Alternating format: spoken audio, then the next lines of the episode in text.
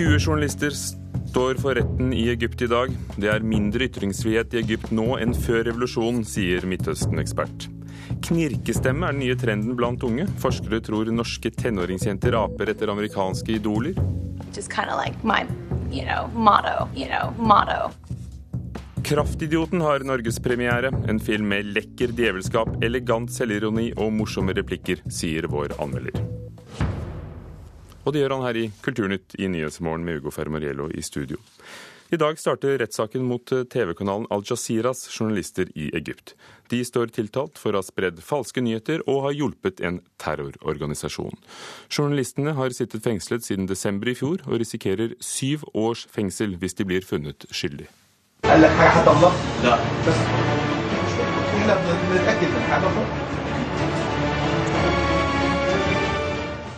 Det var til lyden av et Hollywood-soundtrack, visstnok eh, den siste utgaven av filmen om den norrøne guden Thor, at en privat og regimetro TV-kanal viste pågripelsen av Al Jazeeras journalister på Marriott Hotel her i Kairo 29.12. i fjor.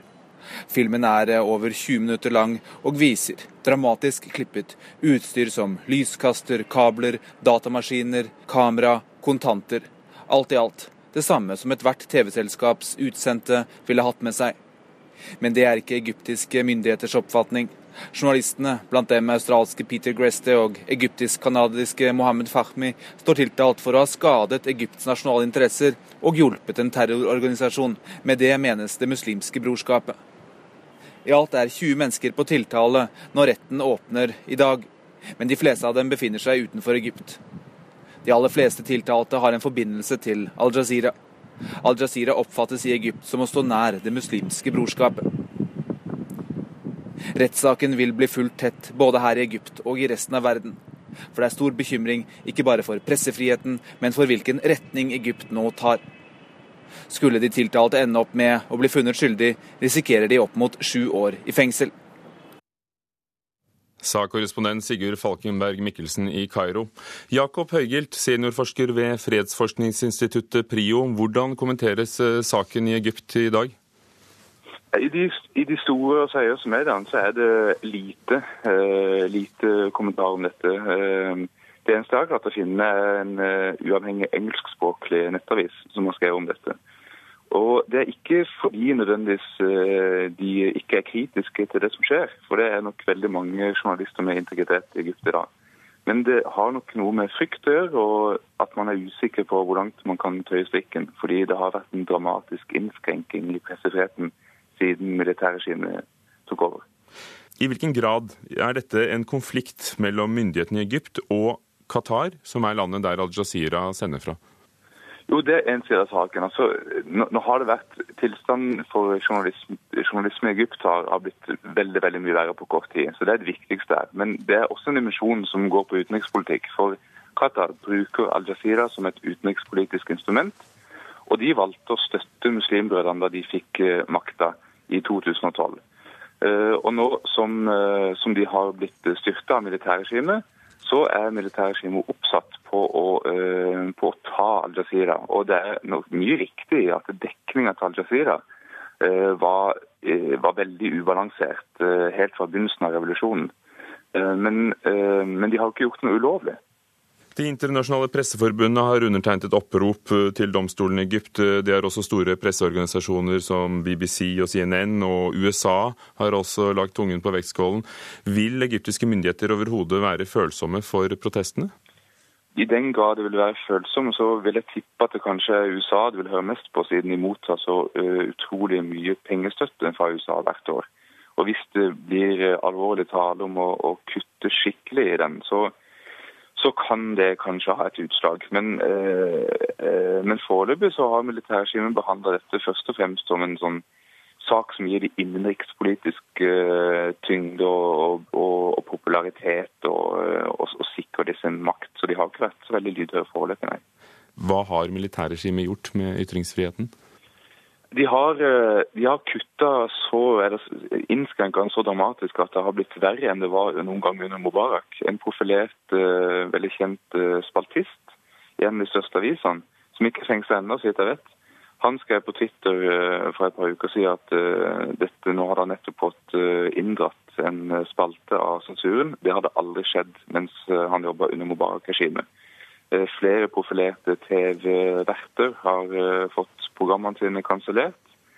Og det er jo en haug av journalister som har blitt både trakassert, banka opp og, og fengsla av, av sikkerhetsfolk. Takk, Jakob Høygilt, seniorforsker ved Fredsforskningsinstituttet.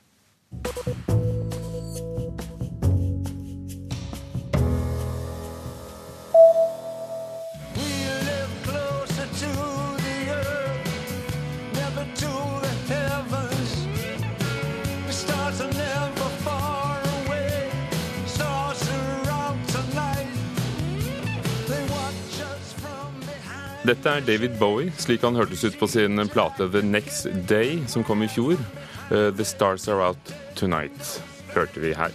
Og han er en artist som fremdeles kan regnes med. Det kom frem i går da han ble kåret til årets mannlige soloartist under Brit Awards i Storbritannia. 30 år etter at han ble kåret i denne kategorien første gang.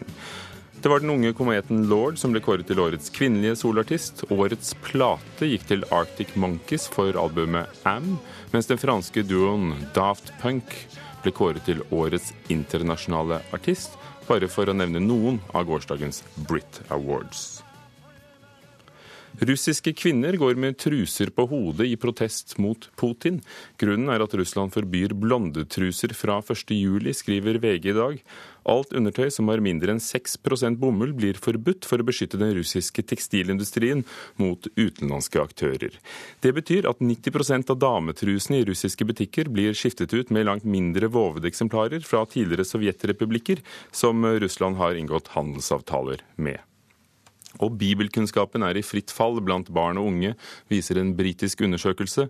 Trosopplærere ser den samme utviklingen i Norge, skriver Vårt Land. Unge mennesker kjenner ikke til historier som Noahs ark, Jesu fødsel og Den barmhjertige samaritan. Og siden mange av uttrykkene i norsk språk stammer fra Bibelen, får dette alvorlige konsekvenser for språkforståelsen, frykter språkprofessor Sylfest Lomheim.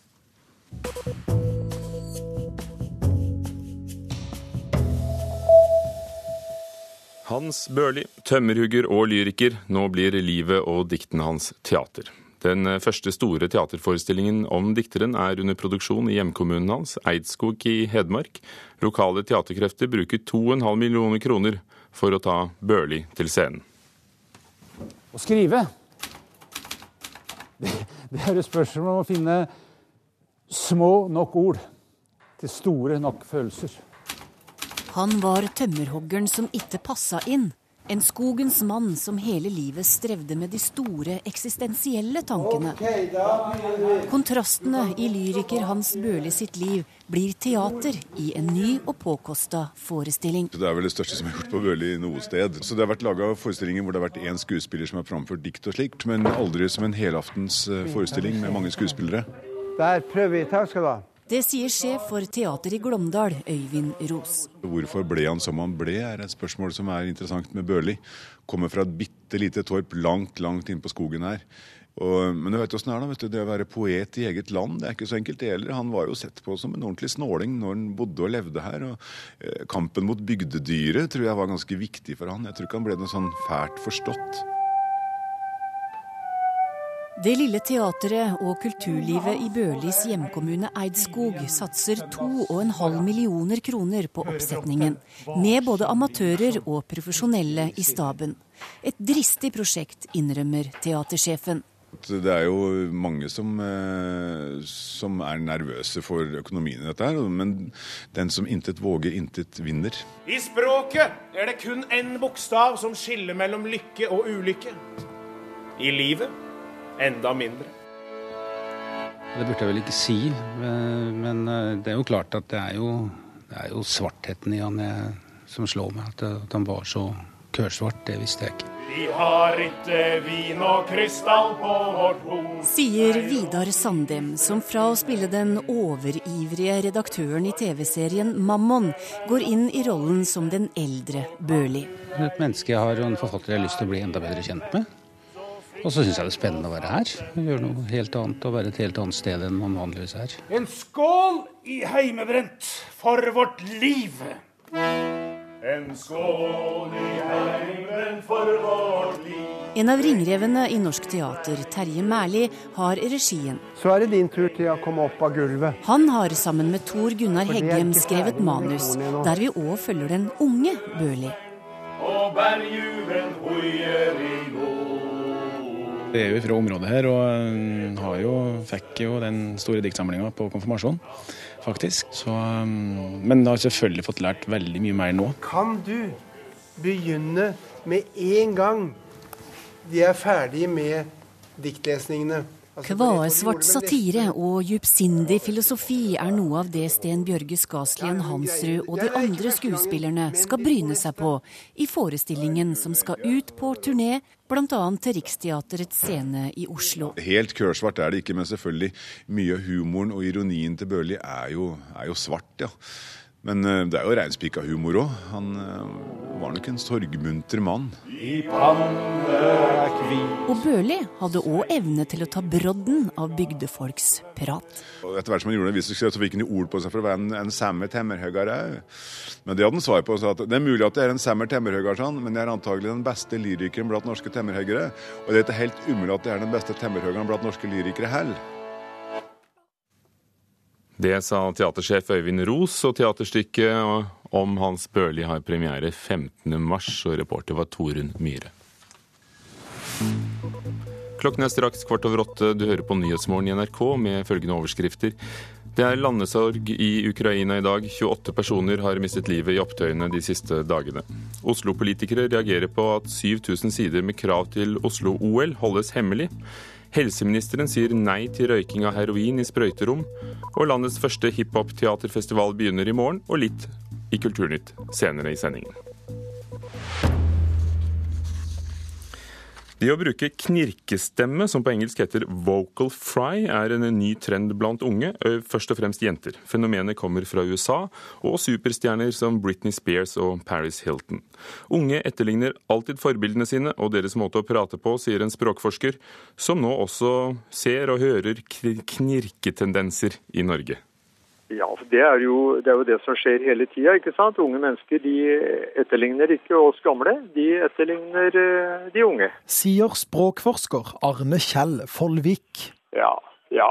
Ah, ah. Knirkestemme, eller såkalt vocal fry, er en snakkis i USA. America's young women are running out of oxygen.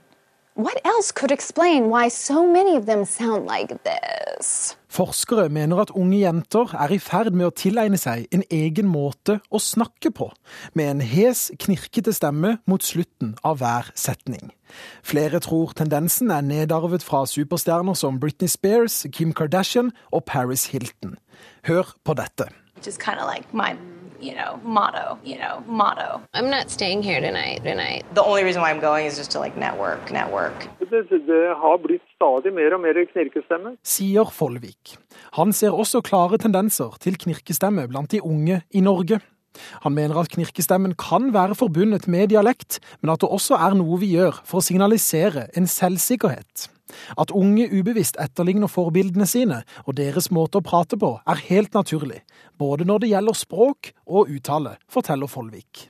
Og det blir mer og mer aksept for det. Vi hører det i, i NRK f.eks. NRK-medarbeidere i gamle dager de knirka ikke. Unge medarbeidere nå i P3 f.eks. de knirker jo for fullt. Kristine. Hverdager fra ett til tre på P3. Hei, kjære venn, og velkommen hit til meg i dag. Det er ikke sånn at jeg har sett på Katy Perry og tenkt at jeg skal bli sånn. P3-programleder og musikkanmelder Kristine Danke mener ikke selv hun har knirkestemme, men kjenner til denne måten å prate på. Nei, det, Jeg kan liksom ikke tenke meg noe annet enn at kanskje de tenker at det høres litt sexy ut. Fordi det er jo litt sånn pornostemme, er det ikke det? Hun kjenner også igjen knirkingen fra populærmusikken. Det er jo som det blir sagt på sånne forklaringsvideoer, at det høres ut som sånn Britney og Kesha synger på mange av versene i låtene sine. Baby, can't you see I'm calling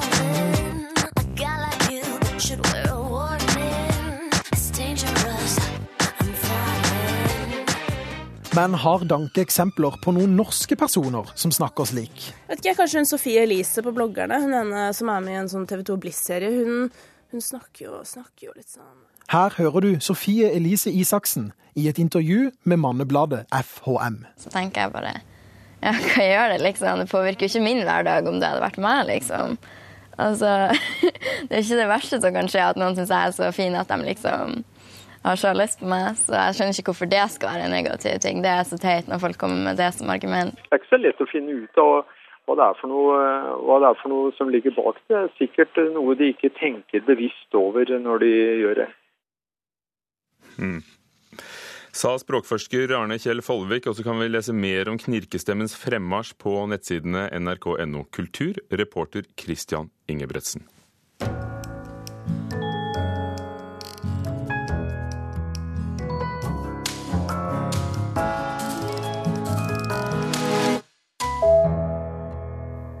Hans Petter Molands syvende film, den fjerde med Stellan Skarsgård i hovedrollen, hadde verdenspremiere i Berlin i forrige uke. Den ble møtt med entusiasme og latter, og nå kommer Kraftidioten på kino i Norge. Dialogene og de små observasjonene gjør den morsom, sier vår anmelder Einar Gullvåg Staalesen. Kraftidioten er eksotisk norsk, om snøbrøyting i høyfjellet og baltisk-balkansk-norske mafiavirksomheter i dalstrøka, illustrert med elleve dødsannonser med til sammen 19 navn. Det er skvettende kroppsvæsker og usunn livsførsel, men djevelskapen er ikke stygg, den er heller litt lekker. Å, faen? Kan vi vite hva som hender. De mange innfallene i det norske er selvironi som gir filmen eleganse. De små observasjonene letter stemningen, en del av dem er snev av samfunnsanalyse. Humoren er resultat av klar tanke. To serbiske gangstere snakker sammen om hvordan det er å være i norske fengsler. Er maten bra også? Ja, utmerket, og hvis du jobber under soningen, opparbeider du pensjonspoeng. Jeg vil ikke røpe den morsomste replikken. Jeg er ingen taler, men det er en stor heder å bli utnevnt til årets borger. Fast det er jo litt konstig å få en hedersbetygelse for at man gjør noe som man, man tykker om. Brøytebil i hvitt og vakkert landskap er filmens design. Typen som brøyter, Stellan Skarsgård spiller rollen, og som er kandidat for Senterpartiet ved neste kommunevalg, befolker fjellet sammen med sin kone. Hun spilles av Hildegunn Riise. Fint. Vi kjente ikke vår egen sønn. Han var narkoman, og vi visste ingenting. Ingenting.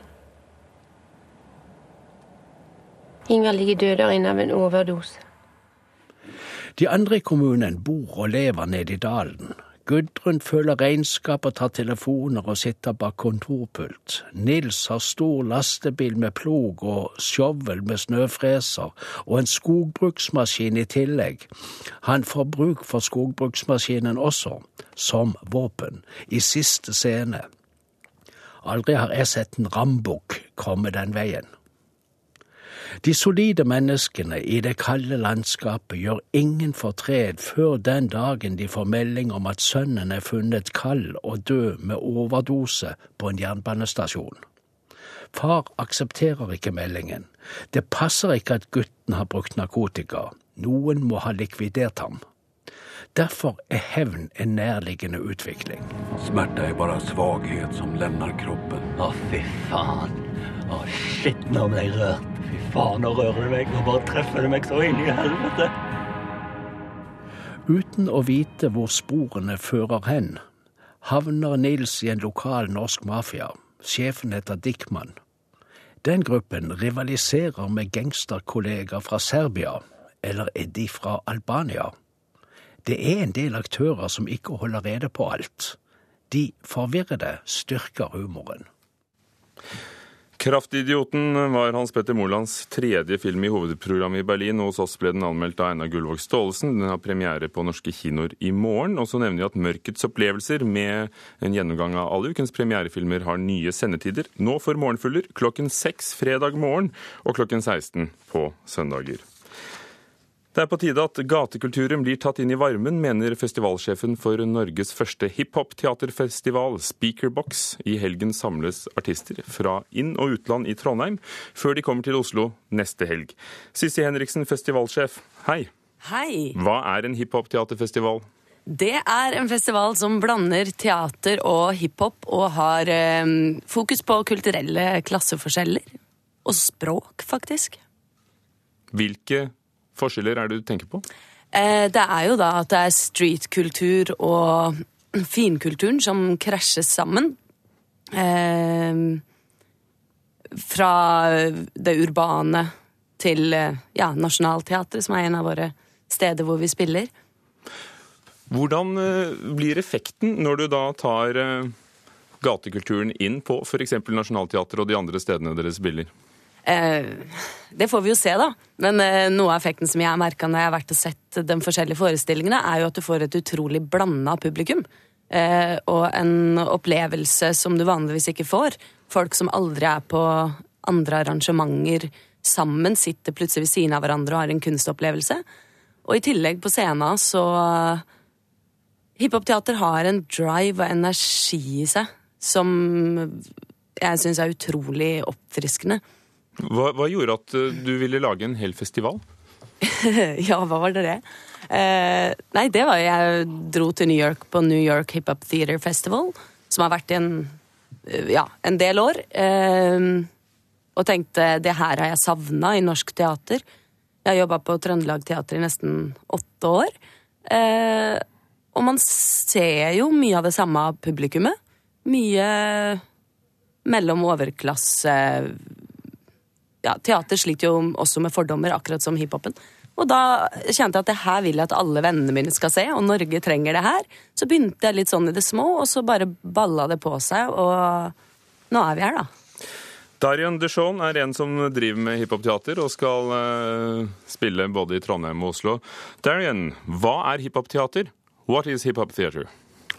Oh, that's a good question. What is hip hop theater? Um, I think it's uh, it's it's a lot of things, but ultimately, I think it's um, it stems from, I guess, the culture of hip hop um, being um, the four elements of DJing, um, emceeing, and uh, break dancing. Um, I'm missing what's the fourth one, Cece? oh, graffiti. graffiti. There you go. Yeah. So I, I feel like it, it combines those elements uh, in a theatrical way, and I know that in terms of my own work. Um, it's been very informative, and um, just from my own background of growing up with hip hop, and also being trained as a, um, a theater actor, um, it's a very exciting aesthetic for me to be able to kind of combine uh, my love for hip hop um, within using those elements um, and using them in a theater medium. I'll stop you a little bit. Jeg må stoppe deg litt. Uh, altså, uh, både skuespiller og uh, hiphoper Sissi, han nevnte fire elementer fra hiphopkulturen som er da samlet sammen med teaterkunsten, nemlig DJ, breakdance, graffiti og MC-ing. Hva er MC-ing? Det er rapping. Dette er jo ganske uttrykksfulle, uttrykksfulle kunstarter. Ja. Burde brukes mer på teater, kanskje? Absolutt. Eh, og noe av det som er grunnen til det òg, er eh, for eksempel poesien. Eh, Hiphopen oppstår jo i Bronx på 70-tallet, i minoritetsarbeiderklassemiljø, eh, og har blitt en, en, av de største poesibevegelsene i verden noensinne. og det er absolutt noe teatret burde ta til seg og få øya opp for, fordi vi må ikke henge bakpå, vi som holder på med teater. Vi må være frampå. Hiphop-kulturen er noe av det som er vår tid, og som kommer til å bli sett tilbake på, tror jeg, da. Som noe av det store som skjedde uh, i den tida vi lever nå. Men, men, la oss høre, da. Darian, as both an actor and a hip-hopper, can I ask you to perform for us? Kan yes. du spille litt for oss? Yes, of course, of course. Um, so what I'm going to do is I'm actually going to do a, a, little bit from um, the show Death Boogie, hip hop poetry musical. Um, and there's a particular uh, song in there. I work with uh, an amazing uh, violinist, uh, Curtis Stewart, and a, upright bass player or double bass player, uh, Ian Baguette. Uh, and this song is um, basically, it's a hip hop remix of Prometheus, which was the Greek titan uh, who stole the fire from the gods and gave it to uh, the mortals. So what you're about to hear right now is the hip hop remix of the Greek um, of the Greek telling of Prometheus, and it goes a little something like this. Prometheus with an uppercase P. That's me, the toughest, roughest titan with a capital T. You once so blind, but now you can see. I strike a blow to the empire. My purpose is higher and never, ever, ever will expire. Stole the fire from Zeus. Huh. I peep the flame by his bedside. I creep, creep when I sleep, sleep. Quiet as a mouse, no doubt. Shh. Yo, yo, yo, check it out. Check it, check it. This is so epic. In a flash, I snatched the flame and then I kept it. Didn't second guess it. Hightail without making a sound and jetted out. Descended through the clouds. When I landed, granted, the earth shook. A kid said, Mommy, look, look, wait, wait, it's not an earthquake. Why is their mouth agape? It's not Justin Timberlake. She said, Even better, it's Prometheus. I think he's about to free us. Let's hear what he has to say. Mere mortals, hear me, hear me, hear he, hear he. There's no need to fear me. The starkness of the darkness is today, yay. The crowd went hooray. I said, Greatness, sing the hook. Uh, I make the gods go, whoa. Uh, I make the mortals go, whoa. Uh, I make the world go, whoa. Yo, I make myself go, ho. And that's how it goes. Darren DeShawn. Hans versjon på hiphopteaterfestivalen av Prometheus-legenden. Thank you very much. Thank og you. takk festivalsjef Sissi Henriksen for hiphopteaterfestivalen Speakerbox, som begynner på Svartlamoen i Verkstedhallen denne helgen, og kommer til Oslo neste helg. I Kulturnytt har vi snakket om at rettssaken mot 20 egyptiske journalister starter på eh, i dag i Egypt. Birger Kåsrud Jåsson var produsent, Hans Ole Himmelvold teknisk ansvarlig, Hugo Fermariello programleder.